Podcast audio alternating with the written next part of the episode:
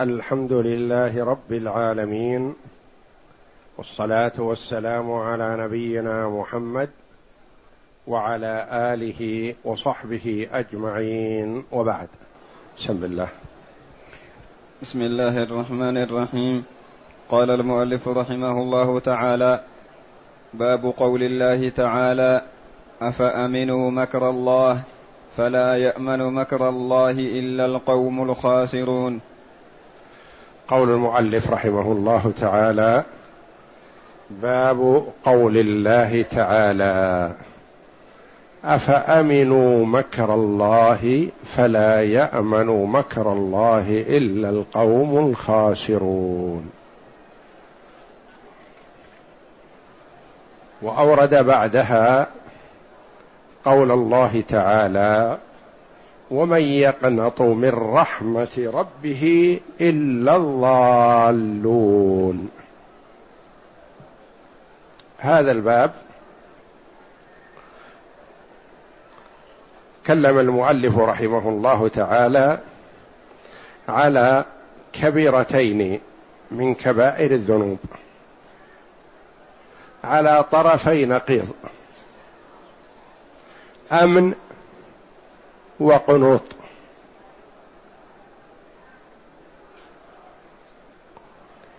إفراط أو تفريط. غلو في الزيادة أو غلو في النقص. والمطلوب من المؤمن أن يكون وسط في جميع أموره. لا يزيد ولا ينقص. لا يقنط ولا يأمن. كيف يكون؟ يكون وسط بينهما.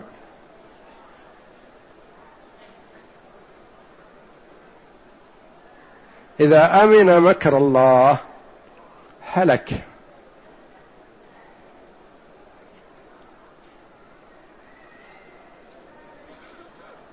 وإذا قنط من رحمة الله هلك.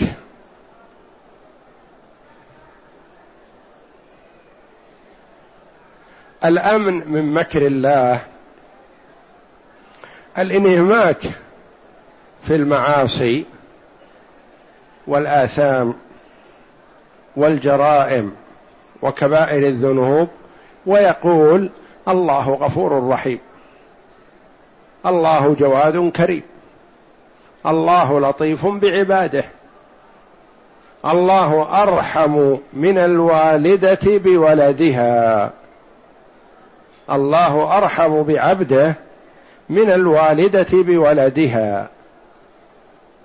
فيقع في معاصي الله ويتكل على عفو الله جل وعلا. هذا يسمى أمن من مكر الله.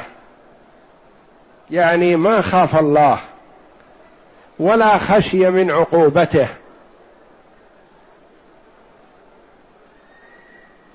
والله جل وعلا غفور رحيم وشديد العقاب.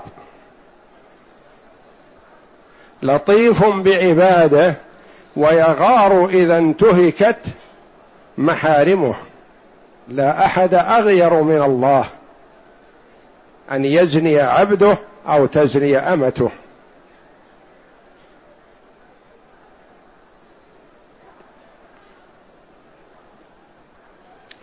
والله جل وعلا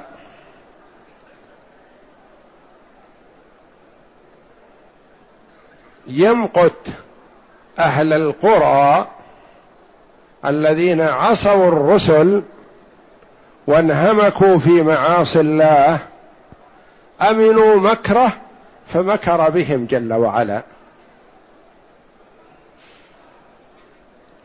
أفأمنوا مكر الله؟ فلا يأمن مكر الله إلا القوم الخاسرون. وقبلها أو أمن أهل القرى أن يأتيهم بأسنا ضحى وهم يلعبون قبلها. أفأمن أهل القرى أن يأتيهم بأسنا بياتا وهم نائمون؟ أو أمن أهل القرى أن يأتيهم بأسنا ضحى وهم يلعبون؟ أفأمنوا مكر الله فلا يأمن مكر الله إلا القوم الخاسرون. أنعم الله جل وعلا عليهم بالنعم العظيمة. فناموا في الليل نوما هادئا ما خشوا من عقوبة. وفي النهار يلعبون مسرورون بما هم فيه من النعم وترادفها وتتابعها عليهم وهم مشركون بالله. فسارع الله جل وعلا وانتقم منهم وخسروا الدنيا والآخرة.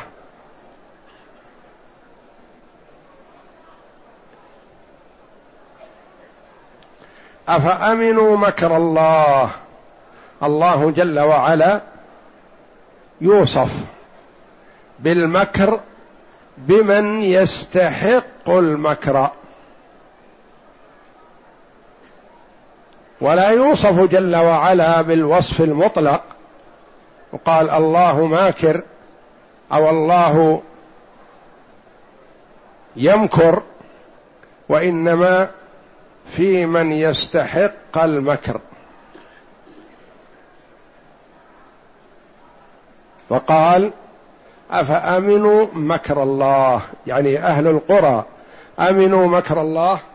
فلا يأمن مكر الله إلا القوم الخاسرون أي الواقعون في الخسارة العظيمة. لأنهم ما عملوا بطاعة الله وأكلوا نعم الله جل وعلا وهم فيها ليل نهار وهم عصوا الله وعصوا رسله. فأمنوا المكر يعني اطمأنوا بأنهم لا يستحقون عقاب ولا يخافون من عقاب فعجل الله لهم ذلك.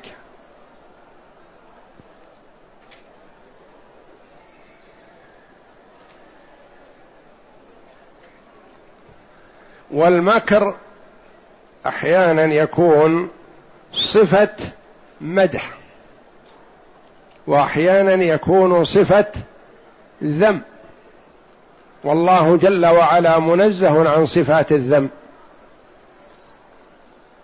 فمن يستحق المكر المكر به صفة مدح. لأنه مكر بمن يستحق المكر. أما من لا يستحق المكر فالمكر به صفة ذم يعتبر بمثابة الخيانة. والله جل وعلا يوصف بالمكر بمن يستحق المكر. ويمكرون ويمكر الله. ومثله كذلك يخادعون الله وهو خادعهم.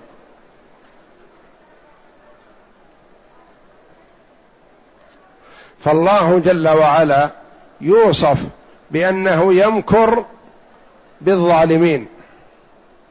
يمكر بالمنافقين. يمكر بالمشركين. ولا يقال يمكر بعباده. لا. لأن العباد يشمل المطيع والعاصي. والله جل وعلا لا يمكر بالمطيع سبحانه. ويخادع من يستحق المخادعة. في المنافقين يخادعون الله وهو خادعهم. ولا يقال يخادع عباده.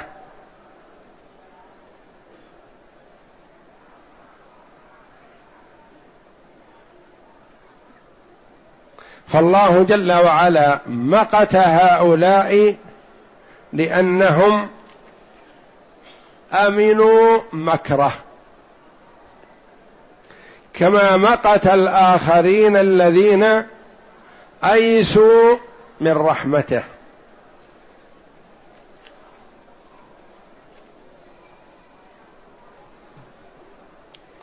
الآية الأخرى أقرأ. وقوله ومن يقنط من رحمه ربه الا الضالون ومن يقنط من رحمه ربه الا الضالون يقول جل وعلا ومن يقنط يعني لا أحد يقنط من رحمة الله. ومن هو الذي يقنط من رحمة الله؟ ما يقنط من رحمة الله إلا الضال. الضال الواقع في الضلال والغي.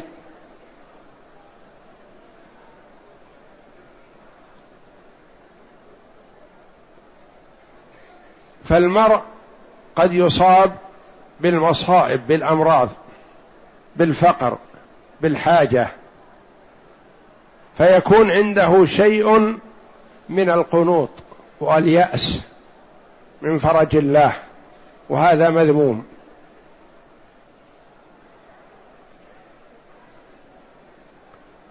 كيف يقال هذا مذموم مع أن قلنا الأمن من مكر الله مذموم. نعم نقول كلاهما مذموم.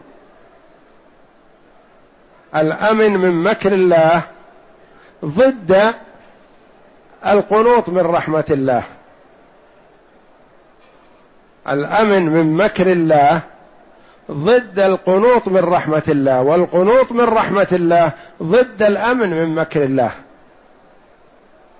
وكلا الضدين مذموم. والمؤمن يكون بين الأمن وبين الخوف. يكون وسط.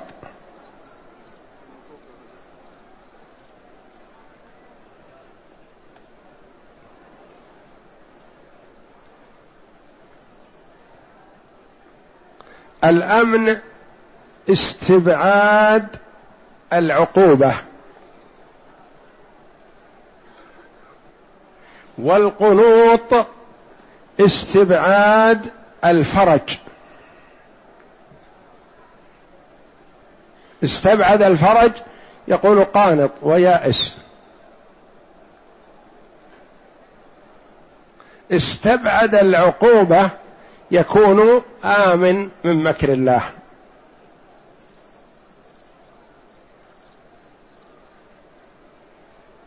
فالمؤمن يخاف عقاب الله ويرجو رحمته. الخوف وحده فقط مذموم. والرجاء وحده فقط مذموم. والمؤمن يكون بين الخوف والرجاء قال العلماء يكون كجناحي الطائر. لا يغلب واحدا منهما على الآخر. إذا غلب الرجاء وقع في المعاصي ولا يبالي فينزل به عذاب الله وهو لا يشعر. إذا غلب الخوف أصابه القنوط وإساءة الظن بالله جل وعلا. فإذا كان عنده هذا وهذا على حد سواء سار سيرا حسنا. إذا هم بالمعصية خاف من عقاب الله. إذا وقع في المعصية وتاب منها رجا رحمة الله.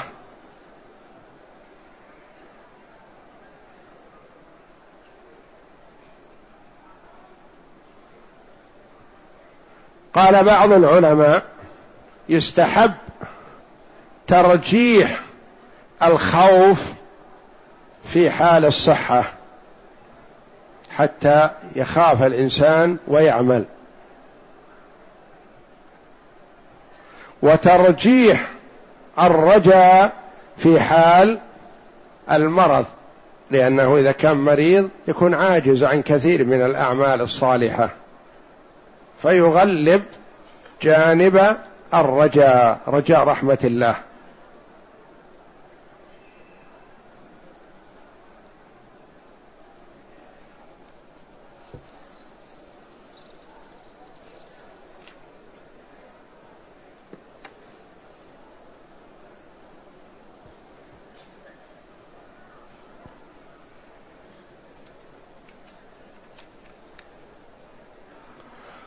ومن يقنط من رحمة ربه إلا الضالون قالها الله جل وعلا حكاية عن إبراهيم على نبينا وعليه أفضل الصلاة والسلام أنه لما بشر بالغلام العليم إسحاق عليه وعلى نبينا أفضل الصلاة والسلام قال أبشرتموني على أن مسني الكبر فبم تبشرون؟ قالوا بشرناك بالحق فلا تكن من القانطين. أجابهم عليه السلام بقوله ومن يقنط من رحمة ربه إلا الضالون. ما أنا منهم. اللي يقنط من رحمة الله ضال هالك.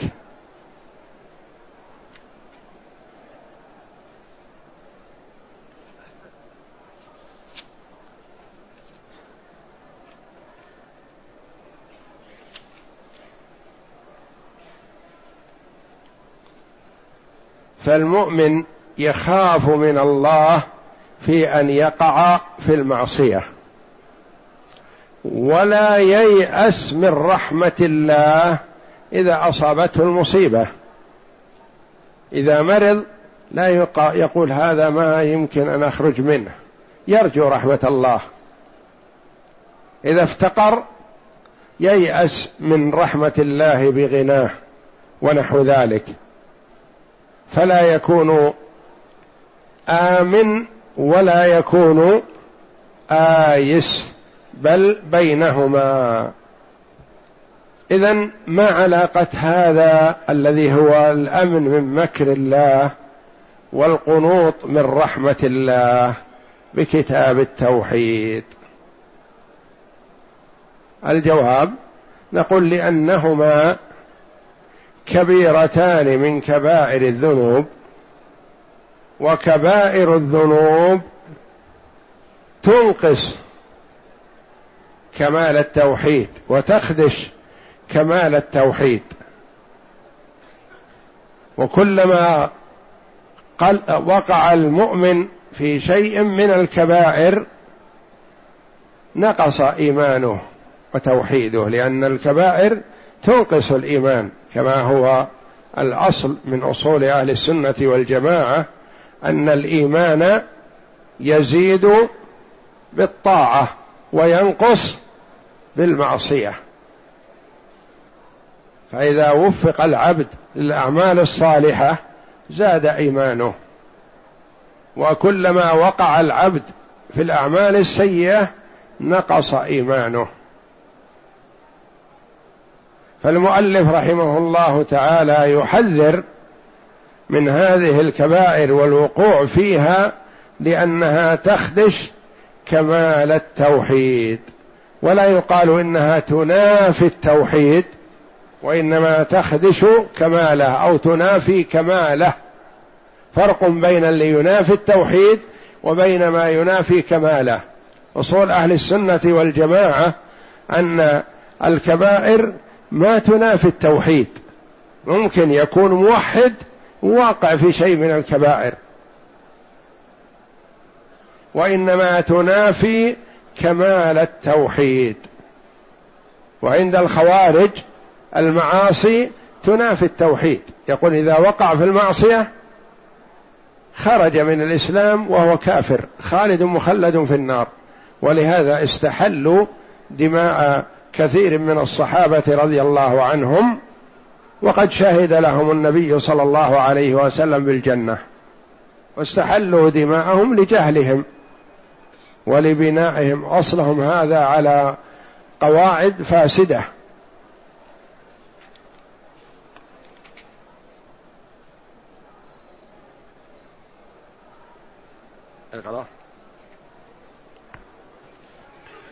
وعن ابن عباس رضي الله عنهما أن رسول الله صلى الله عليه وسلم سئل عن الكبائر فقال الشرك بالله واليأس من روح الله والأمن من مكر الله.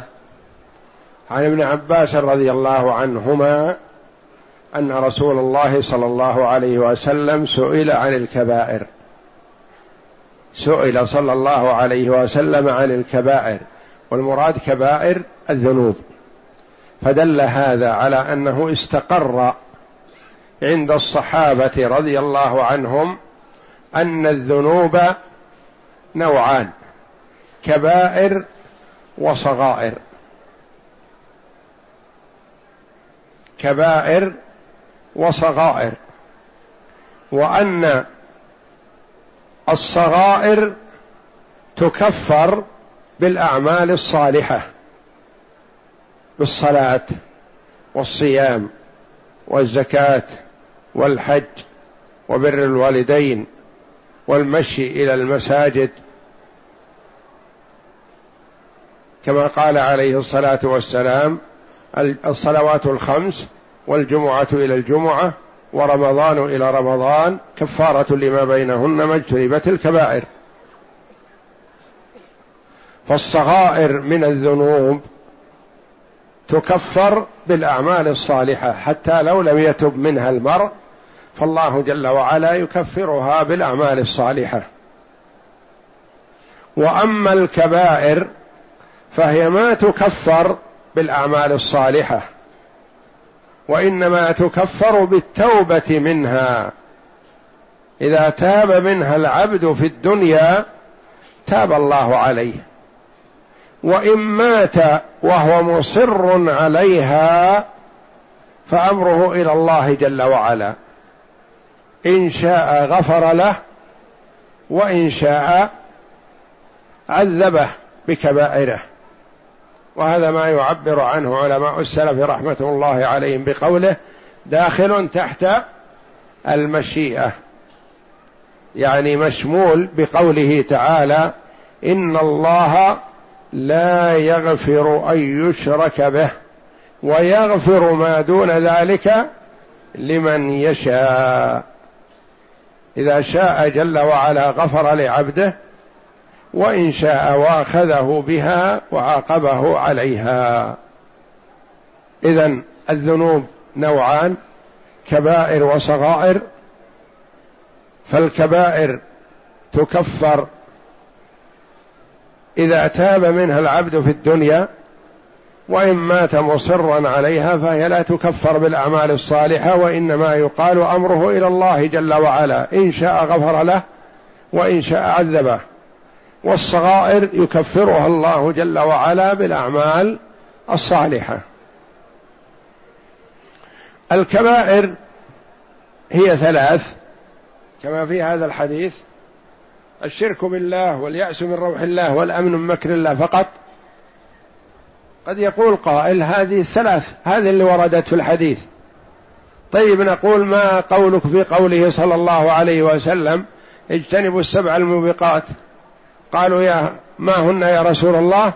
قال الشرك بالله وذكر سبع من الكبائر.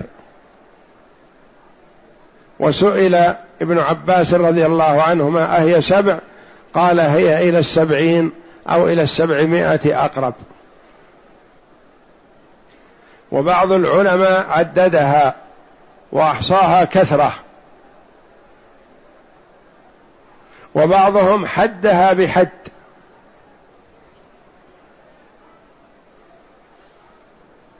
عددها يعني عددها بأعيانها قال هذا كبيرة هذا كبيرة هذا كبيرة هذه كبيرة وهكذا. ومنهم من حدها كما ورد عن شيخ الإسلام ابن تيمية رحمه الله قال ما ختم بلعنة أو عذاب أو براءة من فعله أو رتب عليه وعيد في حد في الدنيا فهذه كبائر. وما دون ذلك فهي من اللمم الذي يغفره الله جل وعلا وإن لم يتب العبد منه يغفر له بالأعمال الصالحة. ماذا يقال في هذا الحديث وأمثاله مثلا لتعد فيه أعداد معينة نقول إن النبي صلى الله عليه وسلم يجاوب كل سائل بما يناسبه. يجاوب السائل بما يناسبه فيذكر له شيئا من الكبائر ولا يحصيها عليه الصلاة والسلام. قد يذكرها سبع وقد يذكرها ثلاث وقد يذكرها أكثر من ذلك وقد يذكر من ضمن هذه الثلاث تكون داخلة في السبع وقد تكون غيرها وقد تكون السبع مشتملة على أربع وردت في أحاديث أخر وأكثر من ذلك وأقل. اذا فذكر الثلاثة والأربع لا يراد به أن الكبائر محصورة في هذا النوع. سئل عن الكبائر أي كبائر الذنوب فقال الشرك بالله لأنه أعظم الكبائر وأظلم الظلم وهو الذي أخبر الله جل وعلا أنه لا يغفره لصاحبه. في قوله تعالى إن الله لا يغفر أن يشرك به ويغفر ما دون ذلك لمن يشاء لا يغفر لمن يشرك به. وهو تعد على حق الله جل وعلا. فالتوحيد وإفراد الله جل وعلا بالعبادة حق الله. فإذا جعل له معبودا مع الله فقد تعدى على حق الله تبارك وتعالى. والشرك بالله أعظم الذنوب وأكبرها. الشرك بالله واليأس من روح الله. اليأس من فرج الله. اليأس من فضل الله. اليأس من عطاء الله جل وعلا ورحمته. هذا كبيرة من كبائر الذنوب لأنه تنقص لله جل وعلا كأن الله لا يقدر على هذا الشيء ولا يجود به. واليأس من روح الله والأمن من مكر الله أن يقع المرء في المعاصي ولا يخاف من عقوبة الله. هذا أمن من مكر الله. فذكر صلى الله عليه وسلم في هذا الحديث ثلاث من كبائر الذنوب ولا يراد به حصر الكبائر بهذه الثلاث. نعم. وعن ابن مسعود رضي الله عنه قال أكبر الكبائر الإشراك بالله والأمن من مكر الله والقنوط من رحمة الله والياس من روح الله. رواه عبد الرزاق. في هذا الحديث عن ابن مسعود رضي الله عنه ذكر أربع. أكبر الكبائر الإشراك بالله. ومثل هذا عن عبد الله بن مسعود رضي الله عنه لا يقال بالرأي فلا بد أنه سمعه من النبي صلى الله عليه وسلم. أكبر الكبائر الإشراك بالله. والأمن من مكر الله يعني الوقوع في المعاصي والإكثار من كبائر الذنوب ويأمن العقوبة ولا يكون عنده شيء من الخوف. والقنوط من رحمة الله يقنط من رحمة الله يعني بمثابة اليأس وأنه لا يؤمل من الله جل وعلا رحمة. واليأس من روح الله ييأس من أن الله جل وعلا يفرج عنه ما هو فيه أو يعطيه ما سأله. فهذه من كبائر الذنوب التي يحذر الله جل وعلا منها على لسان رسوله صلى الله عليه وسلم ويتوعد من يقع فيها بالعقوبة. كما في الآيتين الكريمتين.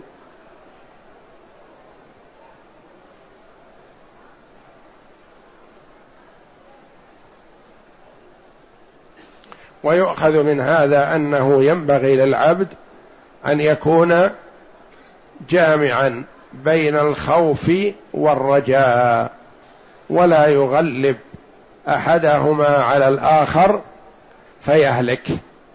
إن غلب الرجاء واطمأن إلى أفعاله السيئة فحري أن يوقع الله جل وعلا به العقوبة. وإن أيس من رحمة الله وقنط منها فحري أن يوقع الله جل وعلا به العقوبة. بل يكون راجيا لرحمة الله خائفا من عقاب الله.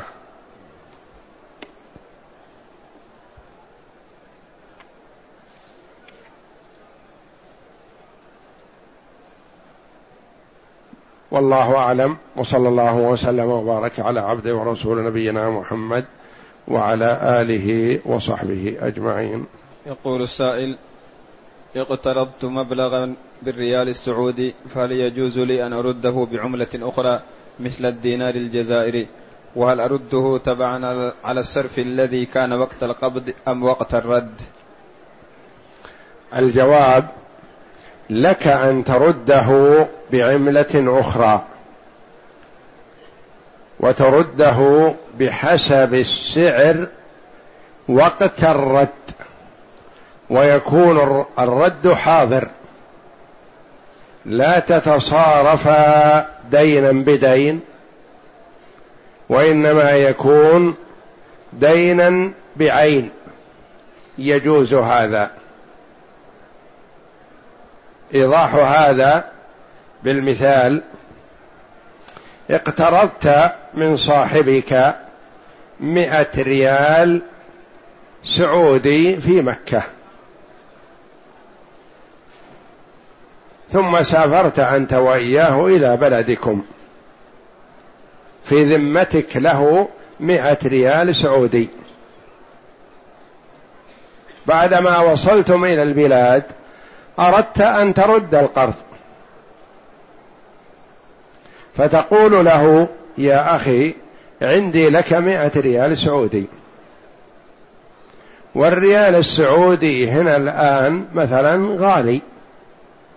وأنت غير محتاج للريال السعودي. أنا أرد عليك بعملة بلدنا. فتتفقان على الصرف. مئة ريال سعودي بكذا. في عملة بلدكم. خذ يا أخي هذه هي. فيكون الريال السعودي دين ما هو بحاضر. والصرف بعين حاضرة. بخلاف ما إذا كان دينا بدين فلا يجوز. تقول له عندي لك مائة ريال سعودي. نصرفها بكم؟ نصرفها بكذا جنيه.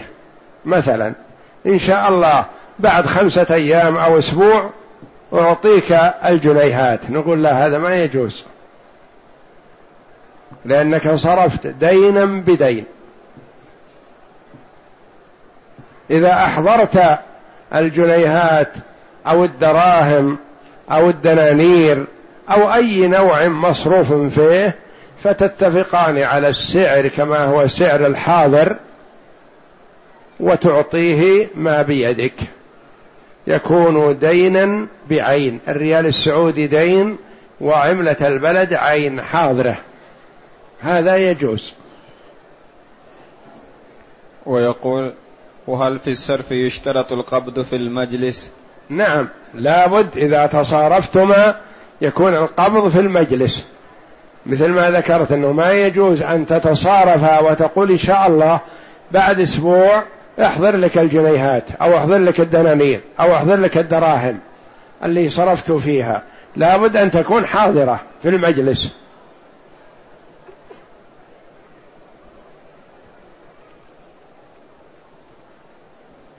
يقول أتيت بعمرة في شوال وسأذهب إلى الدمام وأعود للحج إن شاء الله فهل يكون علي هدي؟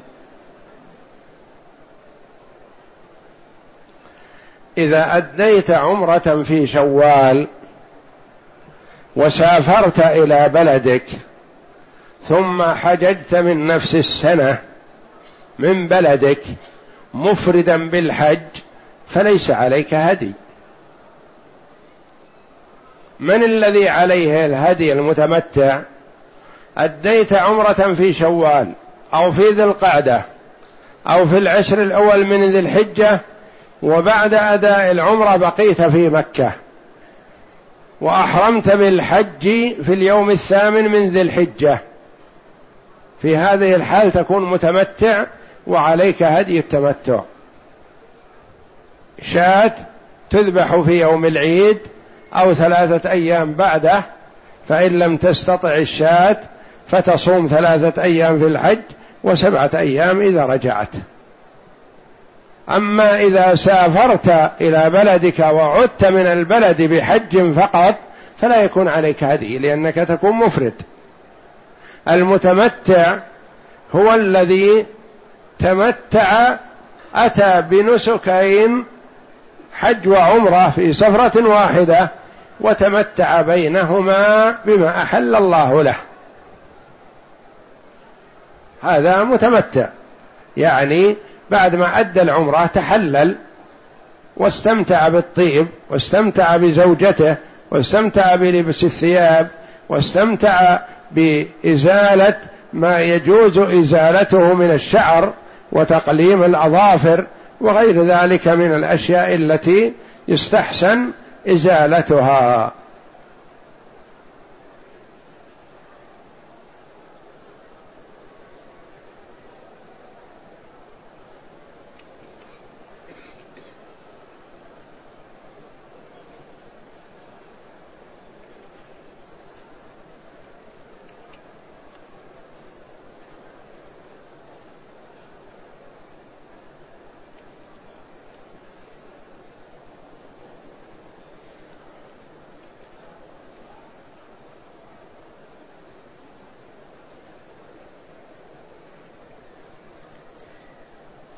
يقول ولد لي غلام فرضع مع ابنة عم مع ابنة أمه رضعتين فقط ثم تبن ثم تم منع الرضاعة من قبلي فهل تحل له الآن الزواج منها؟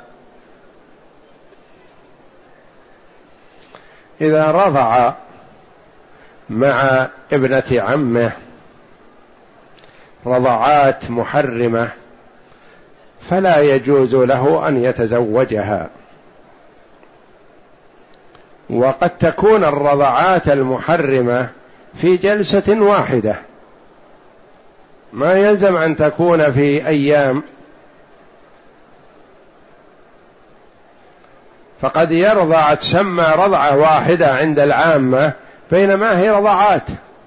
يعني ترضعه المرأة ثم تنقله إلى الثدي الآخر فتكون رضعة أخرى. ثم تعيده إلى الثدي الأول فتكون رضعة ثالثة. وهكذا. فإذا كان فيه احتمال للرضعات فلا يصح أن يتزوجها. وهناك فرق عند العلماء بين أن يكون قد تزوج وتم العقد. وبين أن يكون يخطبها ويريد أن يتزوجها. إذا كان قد تم العقد والزواج فلا يفرق بينهما إلا بيقين. وإذا كان ما تم العقد وإنما يريد أن يتزوجها وفيه رضاع فالاولى البعد عن هذا لأنه محتمل هذه الرضعتين اللي تقول أنها أكثر من خمس وأكثر من سبع. يعني يكون عند هذه المرضعة ترضعه ثم ترضعه ثم ترضعه في جلسة واحدة.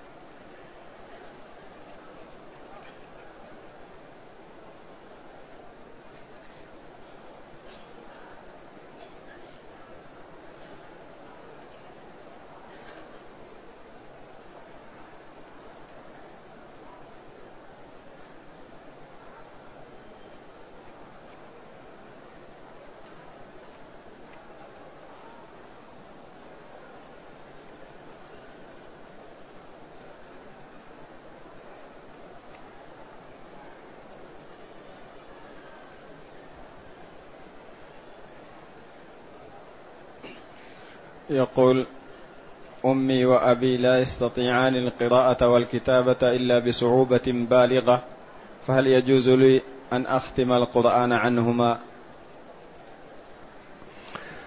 قراءة القرآن وإهداء الثواب للغير من أب أو أم أو معلم ونحوهم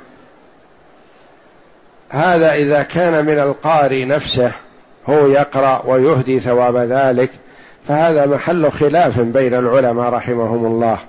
بعض العلماء أجاز هذا وبعضهم منعه قال إنه لم يرد أن أحد قرأ عن الغير وأهدى الثواب له بعد بعلم النبي صلى الله عليه وسلم. وبعض العلماء أجاز هذا قال إنه ورد إهداء الثواب في الأعمال الصالحة في الصدقة والحج والصيام عن الغير فيقاس عليه كل عمل صالح تعمله تهدي ثواب ذلك لمن شئت.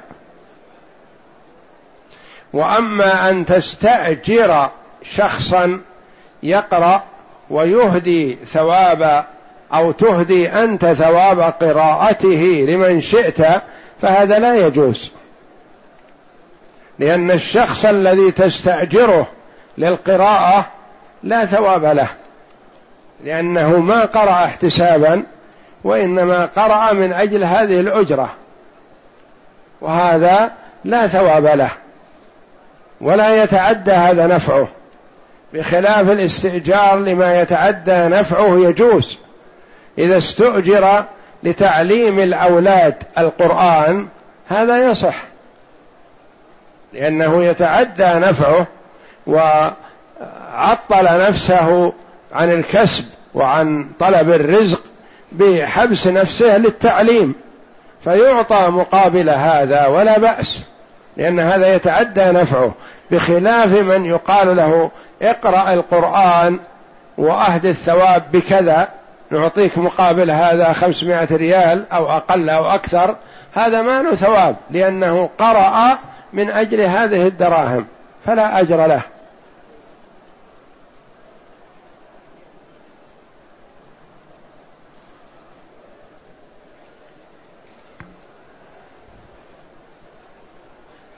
يقول هل يجوز هل يجوز الوضوء في دورة المياه أو في الخلاء؟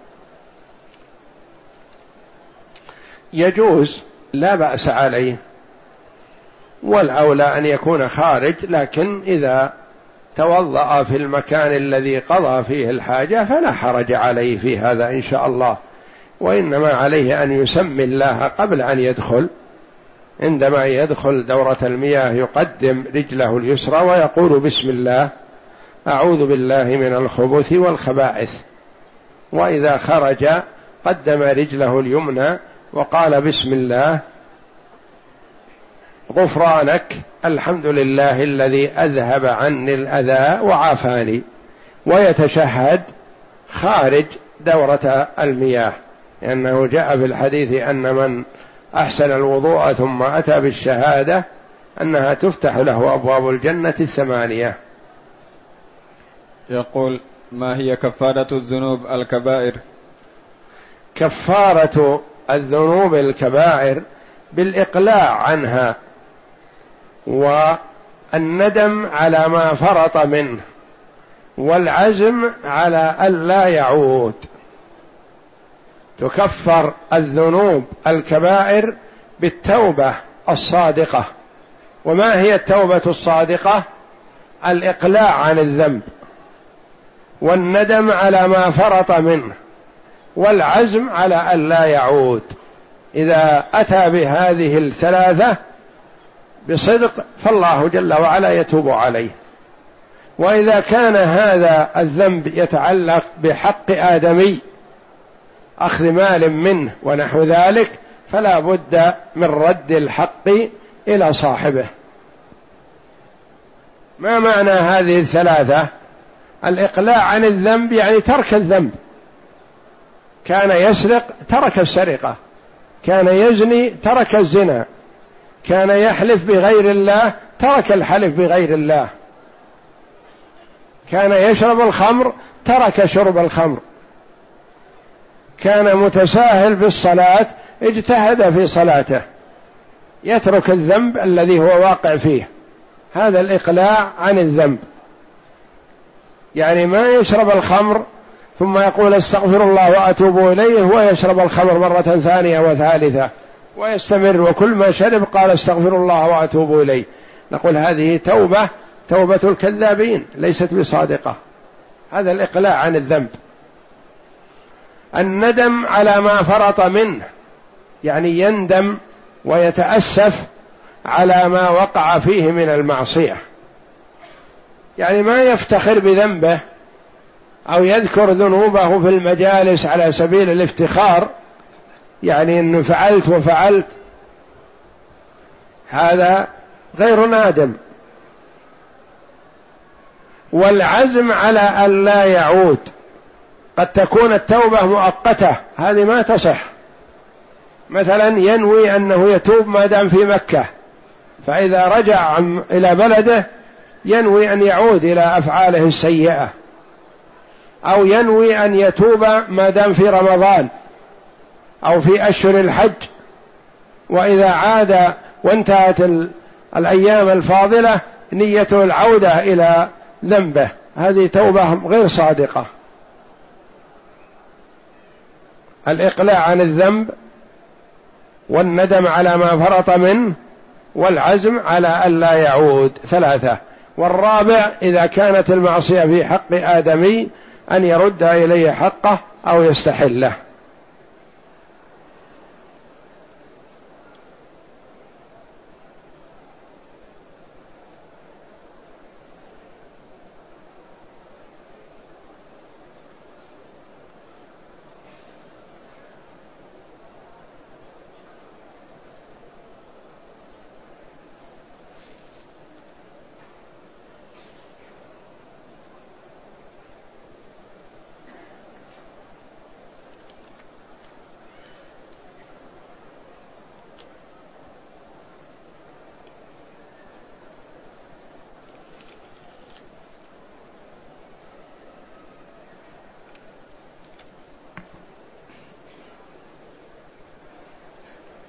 يقول إذا قال الإنسان في دعائه وهو واقف أمام الكعبة اللهم في هذا البلد وفي المسجد الحرام وأمام الكعبة وأمام بيتك المعظم أسألك كذا وكذا هل يعد من التعنت في الدعاء؟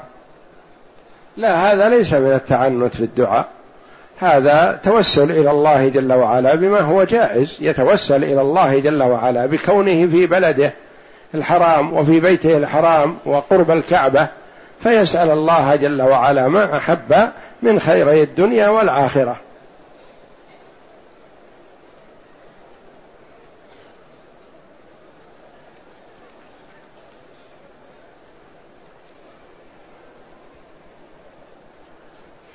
يقول رجل جاء بعمرة في شهر رمضان وينتظر الحج وهو متمتع. وليس عنده ما يشتري به الهدي. هل يجوز له أن يصوم العشرة أيام هنا في مكة؟ أم لا بد أن يصوم الثلاثة هنا والسبعة في البلد كما ذكر في القرآن؟ أولا من أتى بعمرة في رمضان وحج من نفس السنة ما يعتبر متمتع لأن عمرته في غير أشهر الحج لأن المتمتع هو من يأتي بعمرة في أشهر الحج ويبقى في مكة حتى يؤدي الحج ولا يسافر بينهما. فهذا أدى عمرته في رمضان وليس في أشهر الحج. فأشهر الحج شوال وذي القعدة والعشر الأول من ذي الحجة. أدى العمرة في رمضان وجلس في مكة. يحرم بالحج كما يحرم أهل مكة وغيرهم في اليوم الثامن من ذي الحجة ويخرج إلى منى. وليس عليه هدي في هذه الحال. إنما إذا قدم في شوال أو قدم في ذي القعدة أو قدم في العشر الأول من ذي الحجة بعمرة متمتعا بها إلى الحج.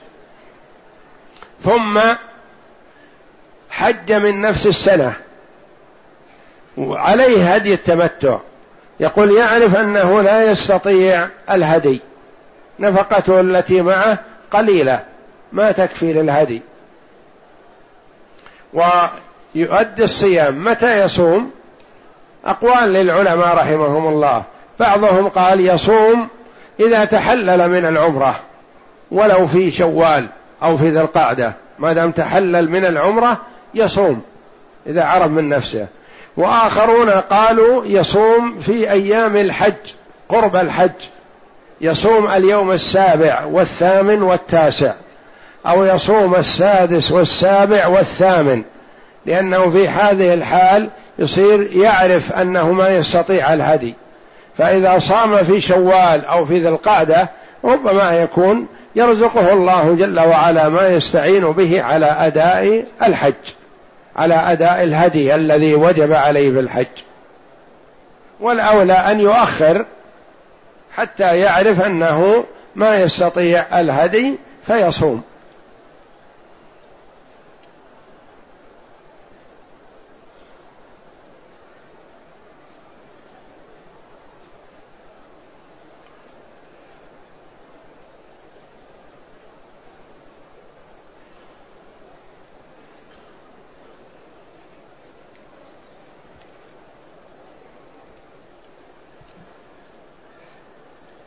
يقول امرأة تزوجت ومات زوجها وتزوجت بعده برجل آخر وهل إذا دخلوا كلهم الجنة يكون يكون له يكونان كلاهما زوجها أم الزوج الأول؟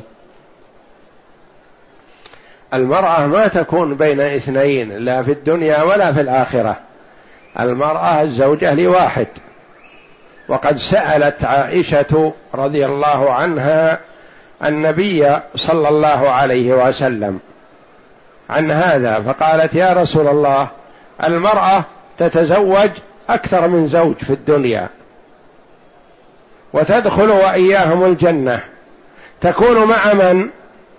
فقال عليه الصلاة والسلام تخير بينهما فتختار أحسنهما خلقا.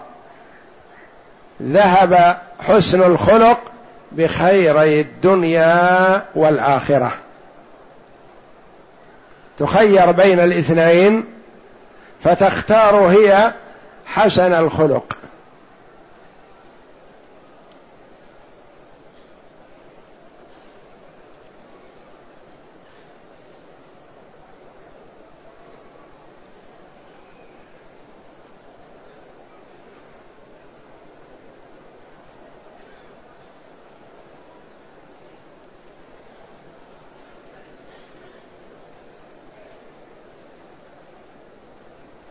يقول شخص يريد أن يشتري سيارة ويريد أن يستلف من شخص قدرا من المال وعند البيع يريد أن يعطي جزءا من الربح المتحصل من هذه البيع.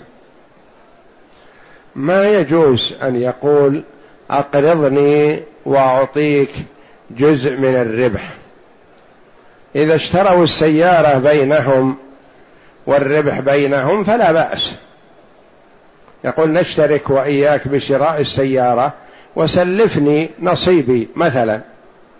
السيارة بعشرة آلاف يقول أقرضني عشرة آلاف وادفع أنت عشرة آلاف والسيارة بيننا ونبيعها وما يقسم الله من ربح يكون مناصفة.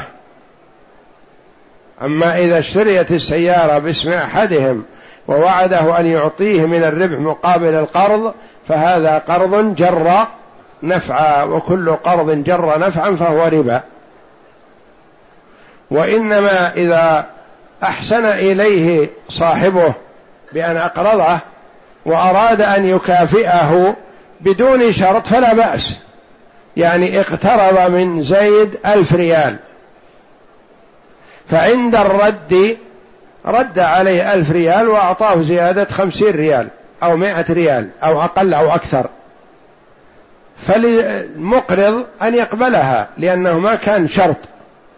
أما أن يقول أقرضني ألف ريال وعند الرد إن شاء الله أعطيك ألف وخمسين فهذا محرم ولا يجوز لأنه شرط له الفائدة. أما إذا رد عليه زيادة بدون شرط وكان المقرض ما تحرى أن يرد عليه أكثر فلا بأس عليه. والله أعلم. وصلى الله وسلم وبارك على عبده ورسول نبينا محمد وعلى آله وصحبه أجمعين.